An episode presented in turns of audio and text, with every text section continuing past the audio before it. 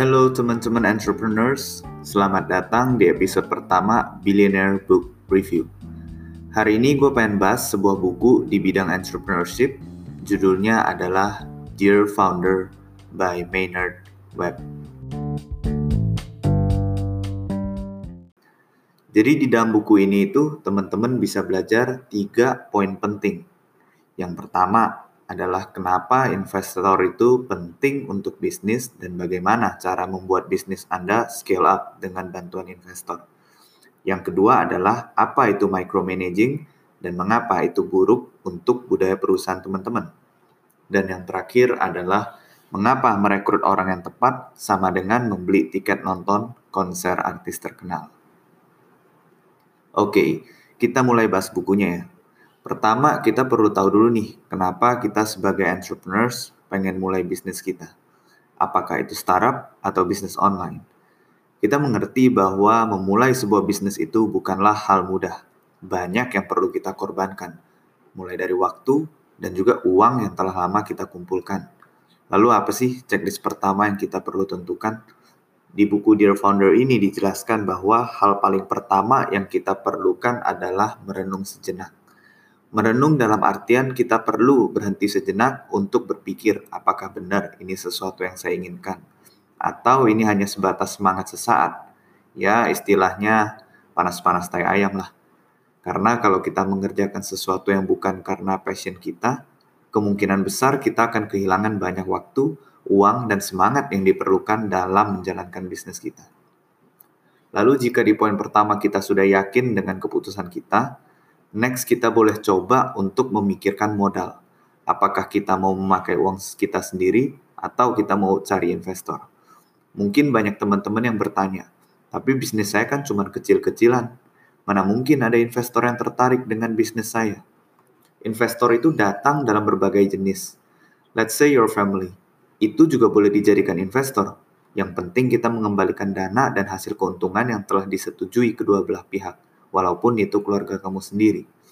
Jadi untuk mencari investor yang ideal perlu kita tahu bahwa yang terpenting bukanlah uang. Karena kalau hanya uang kita bisa saja cari di bank. Tapi mencari investor itu penting ketika kita memerlukan modal dan juga support system dan knowledge yang dapat diberikan oleh investor kita. Jadi penting nih teman-teman, pastikan mereka mempunyai visi dan misi yang sama dengan bisnis kamu. Setelah kamu mendapatkan calon investor kamu, masuklah ke step ketiga, yaitu melakukan well-planned pitching. Mungkin kita tahu bahwa semua hal akan lebih bagus kalau well prepared sebelumnya. Sama juga dengan mencari investor. Pastikan dulu ya kalau pitch deck kita itu udah cukup mumpuni nih untuk attract investor yang tepat untuk kita. Setelah pitch deck kamu siap, next adalah kita memerlukan skill mendengar yang baik. Skill mendengar, maksudnya, yap, skill mendengar yang baik. Karena banyak entrepreneurs ketika mereka pitch idea mereka, mereka terlalu fokus whether they get the money or not. Banyak yang mengabaikan saran-saran yang diberikan oleh investor kita.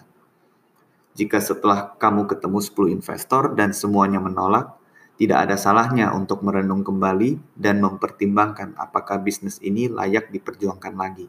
Ingat ya, jangan pakai ego. Next point yang penting yang didapat adalah gimana kalau kamu udah ketemu satu bisnis yang sama sektornya dengan kamu dan dia juga sedang mencari investor. Jangan panik guys, karena dengan adanya kompetitor itu membuat kita lebih siap dan lebih rajin untuk memberikan yang terbaik untuk perusahaan kita sendiri. Ya bahasa gampangnya sih biar nggak lengah lah. Competition is good. Next kita akan bahas tentang micromanaging. Apa sih itu micromanaging? Mungkin ada beberapa teman-teman yang belum mengerti istilah itu.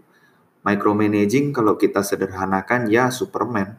Dia melakukan semua hal sendiri. Nggak bisa percaya dengan karyawan, apakah itu dari sisi keuangan, hasil kerja, performance, atau yang lainnya. Micromanaging itu sangat buruk karena kita akan terkekang hanya melakukan beberapa hal saja dalam satu waktu. Walaupun hasil yang kita buat sendiri mungkin nearly perfect, tapi at the end kita akan kalah dengan pebisnis yang dapat melakukan micromanaging dengan baik. Micromanaging itu ya kebalikan dari micromanaging. Micromanaging berarti mempunyai tim yang hebat dan solid yang dapat melaksanakan tugas dengan baik di dalam bidang masing-masing. cara yang tepat untuk memulai micromanaging adalah dengan delegasi. Tapi kan delegasi itu gak gampang. Belum tentu saya percaya dengan mereka.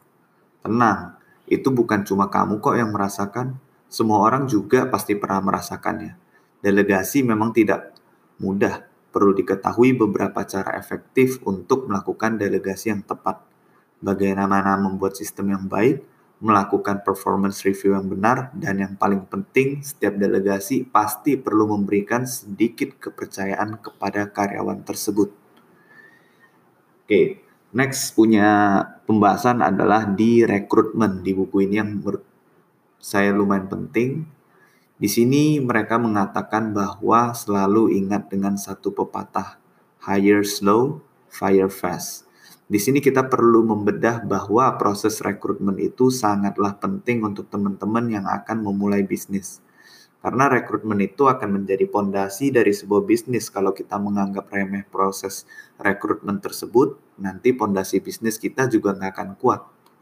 Di buku Dear Founder menjelaskan bahwa ketika kita merekrut, pastikan kita merekrut dengan pelan.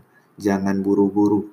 Pastikan kandidat tersebut benar-benar qualified untuk tim kamu dan juga kalau sudah terlanjur merekrut karyawan yang tidak baik dan tidak mencapai ekspektasi perusahaan, juga jangan ragu untuk memberhentikan karyawan tersebut, karena itu sangat berbahaya untuk langsungan bisnis teman-teman. Banyak perusahaan di luar sana memakai kata nggak enak nih, soalnya dia kan udah kerja lama. Di sinilah kesalahan terbesar yang banyak dilakukan entrepreneurs. Next chapter kita akan membahas tentang salah satu konsekuensi menjadi entrepreneur, which is stress. Kita pasti tahu bahwa stress adalah sebuah komposisi yang diperlukan untuk menjadi seorang entrepreneur tangguh. Tapi tahu nggak cara paling ampuh untuk mengatasi stres? Di buku Dear Founder menceritakan bahwa cara paling gampang untuk mengalahkan stres adalah selalu yakinkan diri Anda bahwa tidak ada hal buruk yang bertahan selamanya Mungkin banyak teman-teman yang bilang, ah kalau itu mah saya juga udah tahu. Tapi riset membuktikan bahwa banyak orang ketika stres itu datang, mereka lalu lupa untuk meyakinkan dirinya dengan kalimat di atas. Last point penting yang gue suka dari buku ini adalah gimana entrepreneurs hadapin krisis. Apalagi sekarang dengan adanya virus COVID-19, pas banget nih untuk teman-teman biar bisa siap menghadapi krisis ini. Poinnya adalah kita perlu sadar bahwa situasi krisis ini real. Jangan sampai kita malah menghibur diri dengan mengatakan, ya tar juga bakal oke okay lagi. No, krisis is real. Ketika krisis, kita perlu aware bahwa things really getting worse. Dan paling penting adalah jangan stress out dan pastikan langsung pikirkan beberapa langkah dan juga solusi yang tepat untuk melewati krisis tersebut. Sekarang kita udah tiba nih pada sesi terakhir book review Dear Founder. Di sesi terakhir biasanya gue akan share sedikit tips or saying yang bagus dari beberapa pengalaman pribadi gue sebagai entrepreneurs.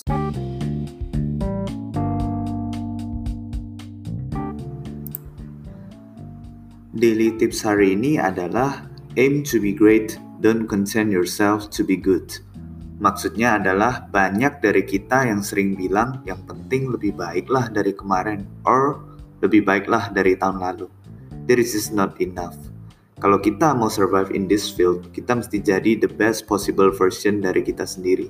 Kita nggak bisa cuma compare dengan hasil sebelumnya. Karena kalau kita compare dengan hasil sebelumnya, maka hasil yang kita dapatkan hanyalah good, not great. Dan sebagai entrepreneurs tentu itu bukan hal yang kita inginkan. Oke, sekian dari Billionaire Book Review.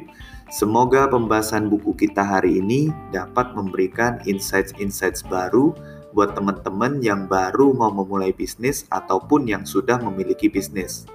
Alright, see you in the next episode. Salam sukses untuk kita semua. Bye bye.